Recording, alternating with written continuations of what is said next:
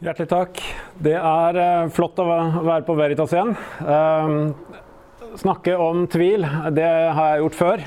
Da hadde jeg en time på meg. Nå har jeg fått 20 minutter. Og, og det her er litt vanskelig for en som er lærer og er vant til å holde på i hvert fall 45 minutter. Og så har vi i tillegg fått oppgaven at vi skal ha ti myter vi skal knuse eh, på 20 minutter. Så det her skal gå unna.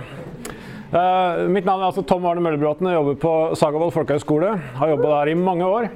Uh, og skrev en bok for ett år siden som snart uh, fyller ettårsdag, som heter 'Tro under tvil'. det betyr at tvil er et tema som har opptatt meg veldig mye. Av to grunner. For det første, jeg selv karakteriserer meg som en kronisk tviler. En som alltid eh, sliter med tvil. Eh, og har gjort det hele, hele, tiden i min bevisste kristne tro. Kristne tro.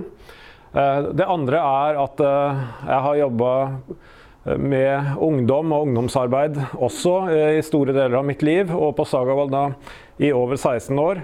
Og møter dette her som et viktig tema, og som et tema det snakkes for lite om. Eh, så det er egentlig litt prosjektet mitt. Snakke om det og spre det gode budskap om tvil. Eh, tro det eller ei. Det er egentlig det jeg holder på med.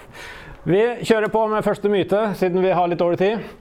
Første myte er det er få kristne som tviler. Eh, og da er det sånn at alle er ikke klar over det, at, det er, at dette er en myte. Men min erfaring er at når vi begynner å snakke om tvil rundt omkring, så kommer det fram. Det er mange av oss. Eh, og nesten alle eh, kan på en eller annen måte si at eh, ja, vi tviler, men det er ikke noe vi snakker mye om. Det er ikke noe som har vært mye fokusert på. Jeg mener dette er en myte. Helt klart. Det er min erfaring. Alle tviler ikke. Men de fleste har tvilsperioder i livet, og mange har mye tvil knytta til ulike områder innenfor kristen tro. Og det er ganske mye å tvile på, egentlig, hvis man tar hele den kristne tro. Så kan det gå på alt fra hva Kirken sier om ting, til hva som står i Bibelen, til om Gud finnes, til om, øh, om man selv er på Har jeg forstått ting riktig? Eh, er Gud til stede når jeg ber? Hører Gud bønn? Eh, hvorfor føler jeg ikke Gud? Tvilsspørsmålene står i kø. Og mange Når vi begynner å snakke om det her, så er det mange som eh, kanskje finner ut at jo, dette her har de mye av, men de har, de har nølt kanskje til og med med å kalle det tvil. Jeg kaller alt det her for, for tvil. Og det er mange tvilere der ute. Myte nummer to. Tvil er et tegn på en umod, svak og umoden tro. Det må vi få tatt livet av. Det er faktisk, eh, når vi undersøker litt grann tvilens eh, innhold og hvem det er som tviler og sånn, så er det nesten tvert imot. Det er sånn at jo reddere du er for å slippe tvilen til i livet ditt, jo reddere du er eh, for at tvilen skal skape problemer for deg, jo mer sier det faktisk om uh, at det er noe som ikke er helt i rute når det gjelder din tro. Nå kan det hende at dette her høres litt sånn provoserende ut, men mange voksne, godt voksne eh, kristne snakker om at tvilen uh, var et større problem når de var unge. Ikke fordi de tviler mer når de er voksne, men de har på en måte innfunnet seg med at det går an å leve med denne tvilen. Samtidig som vi møter en del mennesker som, som øh, tenker slik at dersom jeg bare tviler litt i mitt liv, så, så, er det et tegn på at jeg er på feil sted. Så er det et tegn på at noe er galt. Jeg kommer litt tilbake til det. Um, mange er enige om, eh, som, som jobber med trosutvikling og, og, pastorer og psykologer og sånn, er faktisk enige om at eh, tvil har en viktig funksjon eh, for å gå fra en umoden tro til en moden tro. Dette her høres ganske, ganske gresk ut for noen av dere. Da anbefaler jeg bare å kjøpe boka mi. Nei da. Så, så får dere svar på det. Det er det med sånne 20 minutter vet du, at jeg er nødt til å henvise til boka mi vet du, for at uh, svarene skal komme. Tvil er tegn på mistillit til Gud, er en, en uh, myte nummer tre. Og det, det, er litt sånn at uh, en del kristne er litt innprenta med at tvil er opprør. Men tvil trenger overhodet ikke å være opprør. Og det trenger ikke å være mistillit. Det kan snarere være et tegn på at du ønsker å være ærlig. Det kan være et tegn på at du ønsker å forstå. Uh, og dette er viktig. Vi må ikke være redde uh, tvilen fordi den Eh, den på en måte skulle si at eh, nå, nå stoler vi ikke på Gud. Eh, nei, tvil kan faktisk også være et tegn på at jeg stoler på Gud, og jeg vil stole på Gud. Og derfor så må jeg få lov til å stille de spørsmålene som jeg har. De, de problemene har jeg faktisk lyst til å legge fram for Gud. Så det, det å gi, gi uttrykk for tvil kan også være et slags eh, tegn på trygghet. Mm. Det er umulig å gi utfyllende svar på 20 minutter på alle disse her. Tvil er det motsatte av tro? Nei, det er det ikke. Det motsatte av tro er vantro. Det er å ha bestemt seg for ikke å tro. Tvil er å være usikker. Tvil er å stille spørsmål. Og det er eh, ikke det samme som uh, å ha tatt avstand fra tro. Uh, det motsatte av tvil er altså ikke tro. Det motsatte av tvil, det er skråsikkerhet. Så tvil og skråsikkerhet er motsetninger. Og skråsikkerhet bør aldri være en dyd i kristne sammenhenger. Skråsikkerhet er problematisk, eh, en problematisk greie. For da er man helt sikker på at man har sant, og man slutter å åpne seg for kan jeg ha tatt feil. Så har vi denne tanken her. Punkt nummer fem. Tvil smitter hvis, jeg, altså hvis vi snakker om det. Eller snakker om den. Tvil smitter. Den er litt utbredt. Eh, det er faktisk eh, sånn at hvis du eh, er i kristne sammenhenger, så vil folk at du skal snakke om tro. Og selvfølgelig vil vi det. Eh, og hvis du skal opp på scenen, eh, opp og tale, så vil folk høre om tro. Og så er, ligger det en sånn tanke om at hvis vi begynner å snakke om tvil, så slipper vi på en måte nesten løs en liten demon altså, eller et eller annet sånt inn i rommet hvis vi begynner med det her. Eh, men saken er at det er motsatt. Et av de store problemene for eh, mange kristne er at de ikke tør å sette navn på tvilen sin. At de ikke har noen å snakke med tvilen sin om. At de ikke vet hva andre tenker. Og når jeg starter med å si det er mange tvilere der ute, så er det min erfaring at så fort jeg begynner å snakke med folk om tvil, så skjer det noe positivt. Det skjer noe trosoppbyggende. Fordi man begynner å kjenne seg igjen. Man senker skuldrene og sier åh, vi er flere. Så bra. Går det an å være kristen og, og, tvile? Ja, det gjør det. Og det er veldig godt å, å være sammen med folk som sier at ja, alt er faktisk ikke 100 eh, lett her i, i, min kristne tro. Dette tror jeg er uh, svært viktig. Har man samtalegrupper, uh, så er det ikke sånn at hvis én gir uttrykk for tvil, så har du plutselig smitta en haug, og hele samtalegruppa går inn i en tvilsgreie. Det tror jeg ikke noe på. Det er det motsatte som skjer. Sett ord på tvil, og du vil kjenne at det er trosoppbyggende. Litt sånn er det store overskrifter her nå, men uh, dette her mener jeg. Bibelen er entydig negativ til tvil.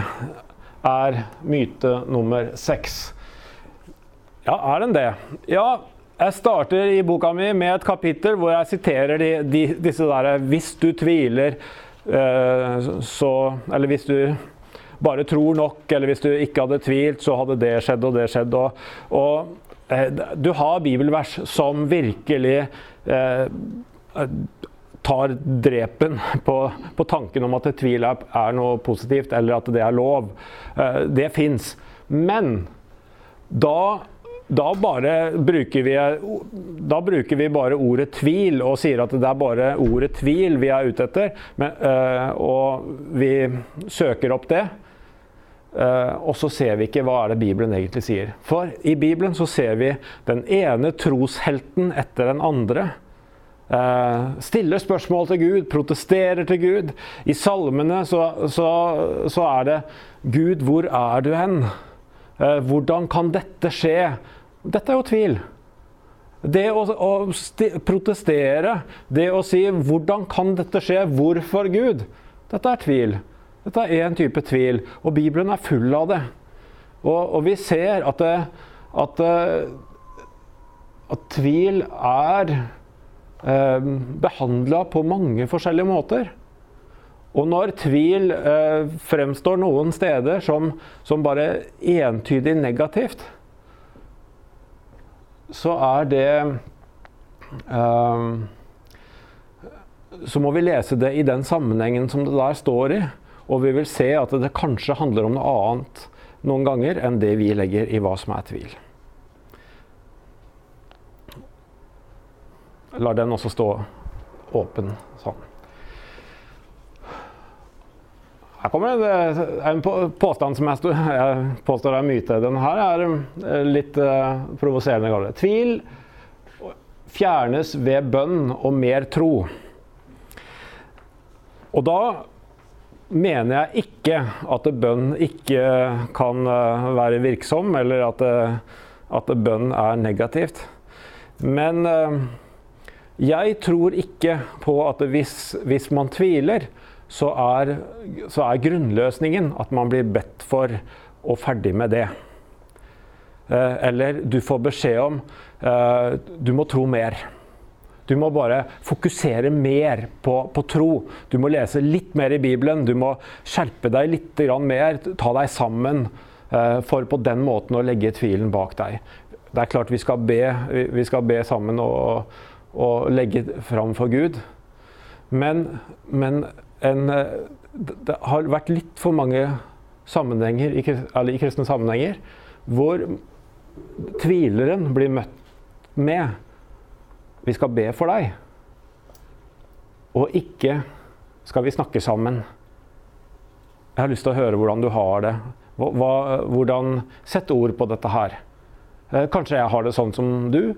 Kanskje, kanskje dette her egentlig er helt normalt det du går med nå.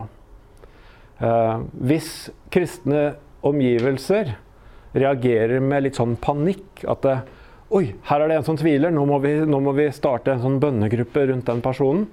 Så blir det liksom å behandle det som om det skulle være en, en type sånn Nå har vi en kreft på vei inn i, i fellesskapet her. Og, og det, er, det tenker jeg, det er ikke sånn vi skal gjøre det. Vi skal be, ja, men vi skal tenke lure tanker om hvordan skal vi snakke om tvil eh, når noen tviler. Og slippe det fram. Tvil som skepsis er uforenlig med kristen tro. Og da skjønner dere kanskje at det er en myte når jeg til og med kaller meg kristen skeptiker på, i, i, boka her. Eh, 'Tro under tvil' heter boka, og 'Tanker fra en kristen skeptiker'. Det er sånn at i mange kristne sammenhenger så har skepsis en negativ klang. Det kan jeg skjønne, samtidig som jeg tenker tvil som skepsis, som eh, den sunne fornuften som stiller noen sunne spørsmål til, ved, ved ting som blir sagt, ved ting som blir gjort. Den er helt avgjørende. Hvis vi ikke får lov til å gjøre det, hvis vi ikke slipper denne til, så kan en pastor eller prest eller en kristen leder lede forsamlingen hvor som helst. Fordi den sunne skepsisen er helt avgjørende i kristne sammenhenger. Det bør være noen som sier 'Unnskyld, det du sa der, det Er det virkelig sant?' Mener du virkelig det? Eller er dette lurt? Kan vi stå for det her? Det som er i ferd med å skje her nå, er det, er det Er det slik Gud vil? Med andre ord, tvilen som er sånn spørsmålsstiller, er kjempeviktig. Og bildet jeg pleier å bruke noen ganger, det er hvis du kjører i 130 km uh, på en vei, og så nærmer du deg en sving, så bør du få tvil på et eller annet tidspunkt om, som sier at det, Vet du hva? Nå nærmer vi oss noe som gjør at du bør bremse. Nå bør du begynne å se at her er vi i ferd med å gå uh, Her er vi i ferd med å Dette kommer til å gå gærent hvis ikke du gjør noen ting nå. Og det tenker jeg også er tvilens funksjon i den forstand. Sunn fornuft, sunn skepsis. Den stemmen er helt avgjørende for å få en sunn tro og en, eh, et godt forhold til, eh, til, Gud og seg selv og til andre. Tvil er tegn på karaktersvakhet. Ja, jeg lurer på det noen ganger uh, i kristne sammenhenger. Uh, om ikke dette her er en, uh, en, slags sannhet. Nemlig at hvis du sliter med tvil, så er det noe gærent med deg. Det er tegn på at du ikke er helt ja, du, Alt er ikke i orden. Det er også noe med at uh, hvis, hvis, man tar opp på scenen en som skal snakke om tvil, så er det nesten alltid en som tvilte før, og som ba til Gud og ikke tviler lenger. Eh, med, andre ord hvis, du, hvis du tviler, sier det, du blir bedt for, og fortsatt tviler, så er det liksom Men det skal du ikke gjøre. Altså, nå har vi jo bedt for deg, nå har vi ordna alt. Altså, det naturlige er jo at du ikke tviler lenger.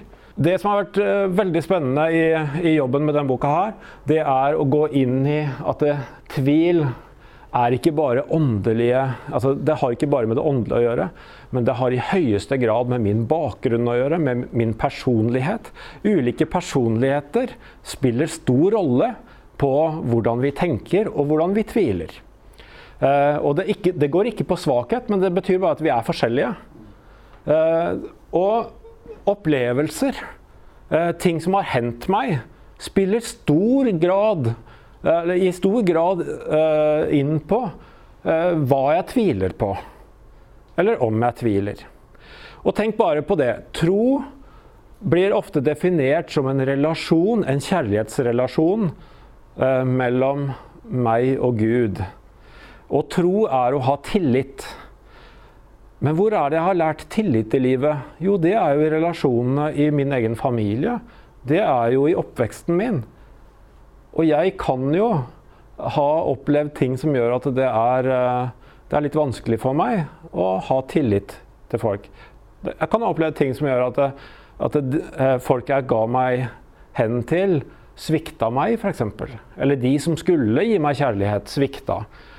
Og dette vil jo samtidig påvirke da ja, men hvis jeg har opplevd da, at, eh, at, det å gi seg hen til kjærlighet, eller det å bli svikta av noen som skulle elske deg Hvis det er mine opplevelser i livet, så kan det hende at det også påvirker at jeg blir litt, litt tvilende til å hengi seg til Gud. Eller at jeg tenker om Gud Kan jeg egentlig stole på deg? Og det er helt naturlig. Dette må vi ikke på en måte si dette er, dette er tegn på at du er virkelig en karaktersvak eh, kristen. Men heller si uh, dette er uh, Vi tviler ulikt fordi vi har ulike opplevelser, har ulik personlighet og ulik bakgrunn. Viktig.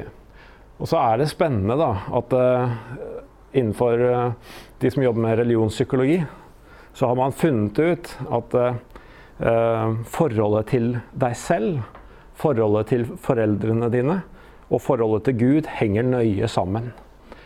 Og det betyr at hvis du har et veldig strengt forhold eh, eller har strenge foreldre, eller har et litt sånn anstrengt forhold til foreldre, så kan det godt hende at du også har et anstrengt forhold til Gud. Eh, og at Gud er veldig streng. Og så kan det hende at du har et veldig strengt forhold til deg selv. Og at du har en stemme inni deg som alltid er streng, f.eks.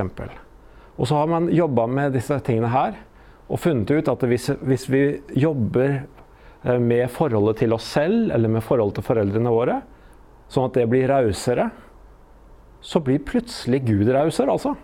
Av en eller annen merkelig grunn så, så, begynner vi plutselig å oppleve at Gud Altså ting påvirker hverandre. Og det betyr det psykologiske eh, har stor innvirkning på også hvordan jeg tror og hvordan jeg tviler. Punkt 9. Tvil står i veien for å gjøre Guds vilje. Ja, vi har liksom disse bibelversene da, som sier at eh, hvis du tror uten å tvile, så kan du, eh, kan du flytte fjell, og, og, da kan du be om hva du vil, og så, eh, så vil du få det. Eh, men, men, det spørs om de kan leses på den måten. Fordi alle kristne retninger som har som har lest det på den måten, nemlig at det, hvis du bare klarer å tro uten å tvile, så kan du utrette eventyrlige ting. Det har vært mange retninger som har gått i den, gått i den retningen og sier at eh, hvis du bare lar være å tvile og tror når du ber, så kommer du til å få alt. Da kommer du til å få alt du ber om. Og vi har vers som kan peke i den retningen, eller som peker i den retningen. Men så må vi lese nok en gang helheten i det hele, så ser vi at det er jo ikke slik kristne har praktisert. Og slik praktiserte heller ikke de første kristne. Hva er det Gud vil? Hva er det vi er helt sikre på at Gud vil? Det er kjærlighet. Det er kjærlighet og godhet. Og jeg kan tvile mange ganger på mange kristne sannheter og, om mange ting innenfor kristen tro. Men det er én ting jeg kan bare gjøre, selv om jeg har tvilsperioder, det er å være snill mot kona mi, vise kjærlighet til omgivelsene mine, eh, gjøre gode gjerninger, fordi jeg vet at det vil Gud. Hvis du spør hva vil Gud? Gud vil spre kjærlighet i verden. Det er det vi kan være helt sikre på. Gud vil spre kjærlighet. Og det kan jeg gjøre selv om tankene mine av og til går i spinn. Selv om jeg av og til er frustrert over hva kristne gjør, eller hva kirka gjør, eller hva vi sier og sånn. Men kjærlighet, det tviler jeg ikke på. Tvil trenger ikke å stå i veien for å gjøre Guds vilje. Siste. Vi er på apologitikkonferanse, og det, er lett å tenke at tvil det løses ved intellektuelle svar. Ja, det er en myte de, hvis den blir stående alene. For det er helt riktig det er ikke en myte hvis vi sier at ja, noe tvil løses ved intellektuelle svar. Eh, har du intellektuell tvil, så vil du bli tilfredsstilt hvis du får intellektuelt gode svar. Men mange ganger så har du tvil som du tror er intellektuell, eh, og du stiller spørsmålet, og så får du et godt svar, og så tviler du fortsatt like mye. Og det betyr at uh, tvilen sitter gjerne et annet sted enn i det intellektuelle. Den kan sitte et annet sted i livet, og det vet vi ikke alltid selv. Derfor kan det være lurt å gå og snakke med noen. Hvis, du, hvis tvilen er veldig problematisk for deg, så bør du gå og snakke med noen og prøve å finne ut er dette en tvil som er knytta til sterke følelser, opplevelser? Eller er den knytta til rent intellektuelle spørsmål? Og det betyr noen ganger er det en apologet som vil være løsningen på tvilen. Mange ganger vil det være en sjelesørger. Du trenger å få satt ord på det, du trenger å prate om det. Noen ganger trenger du bare en venn som du kan få lov til å være sammen med. Og få lov til å være den tvileren du er, og bli møtt med kjærlighet. Det er ingen quick fix på en måte på tvil. Det er helt avhengig av Hvilken form har tvilen, og hvor sterkt er den, eh, preger den deg på en negativ måte? Og, og sånn. Vi, vi, er nødt til å se hver, hver enkelt person og hvert enkelt tilfelle for seg. Det var ti om tvil. Uh, det, var, det var hurtig. Jeg har aldri gjort det på den måten her før. Uh, hvis dere er interessert i her kommer salgsplakaten. Hvis dere er interessert, jeg har med bøker her. Kan uh, selge de for 200 kroner i dag. Uh, går der i butikken, så er det 298. Så et lite tilbud. Det gjelder både her og der nede. Jeg har med meg her.